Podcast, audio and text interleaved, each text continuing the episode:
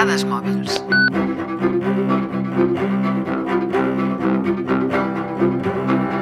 Ben Hammersley, periodista i especialista en les tecnologies del futur, explica com preparar-nos pels pròxims anys tenint en compte el nostre present tecnològic. És un expert en els efectes de l'anomenada era postdigital, eh, després de l'aparició d'internet, i en les reflexions necessàries eh, que comporten, que no són poques.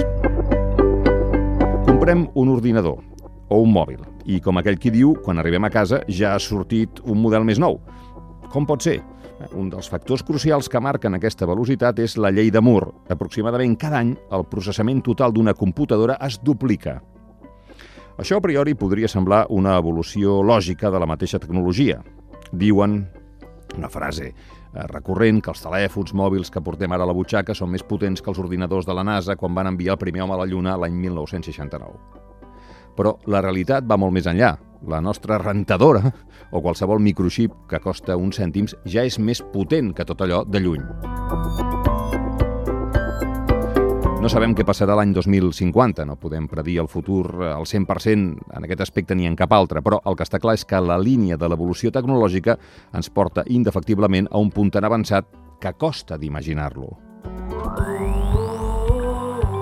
Quan un president entra al govern i porta un iPhone 6 a la butxaca, per exemple, i passa 8 anys al poder, quan acaba té un telèfon mòbil 15 vegades superior. Sobre això, Hammerstein fa una bona reflexió pel que fa a la relació entre la política i la tecnologia. Els governs i les seves noves polítiques que afecten la tecnologia o a la nostra vida digital, per exemple, doncs, respecte a la censura, el copyright, la vigilància, són mesures que es dicten avui i que es té la pretensió que la legislació duri doncs, 10, 20 o 30 anys. Doncs bé, la gran majoria d'aquestes lleis estan redactades pensant en la, en la tecnologia que existeix avui exclusivament, sense adonar-nos que aquestes lleis quedaran obsoletes en poc temps. Ja ens estem trobant en els casos d'Uber, els cotxes autònoms, els drons. Hammerstein conclou, sí, podem canviar el món entre tots, però per fer-ho hem d'entendre on vivim avui i quines forces són les que mouen la societat cap endavant. Com serà la tecnologia d'aquí a 40 anys? De moment sembla que hi ha bastants indicadors que ens diuen que serem substituïts per un programa d'ordinador, almenys pel que fa a la nostra part funcional. L'emocional encara està per veure.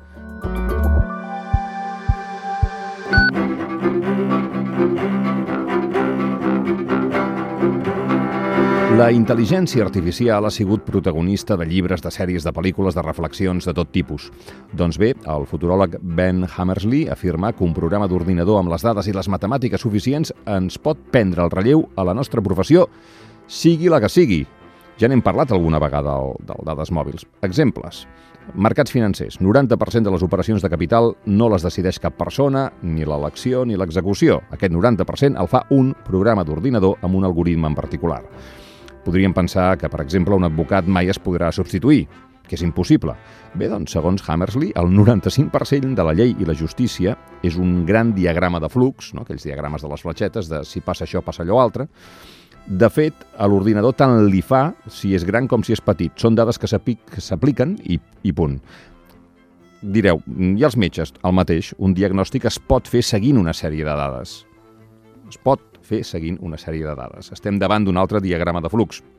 I si és un diagrama, es pot substituir la persona per intel·ligència artificial. Una altra cosa, i amb això ja estic absolutament d'acord, és que no hi ha res que pugui substituir la mirada als ulls d'una altra persona i, eh, veient-li els ulls, veient-li la cara, es pugui arribar a deduir eh, algunes coses que potser els algoritmes no són capaços de fer. Per saber com serà la tecnologia d'aquí uns anys, hem d'observar bé, és fàcil veure de tant en tant incipients tecnologies que en uns anys s'hauran menjat alguna altra que estava ben implantada. Li va passar a Kodak quan va dir que les càmeres digitals mai substituirien el món analògic, ja que no eren de qualitat. Doncs bé, la mateixa setmana que Kodak va fer fallida, Facebook va comprar Instagram per un bilió de dòlars americans. El mateix va passar al començament dels llibres electrònics, les pàgines web de viatges o la música, la música digital. Observa i veuràs com trobes alguna cosa semblant començant avui en dia. I això què és? És fantàstic o és terrible? Hm? El que sí és cert és que ha canviat la nostra forma de viure i els nostres hàbits. La tecnologia més disruptiva fins ara ha sigut el telèfon mòbil. Ja no aprenem dades, sinó que aprenem a buscar-les. El mòbil forma part de nosaltres. tenim més de cinc sentits. O no has sentit alguna vegada la vibració fantasma del mòbil a la butxaca?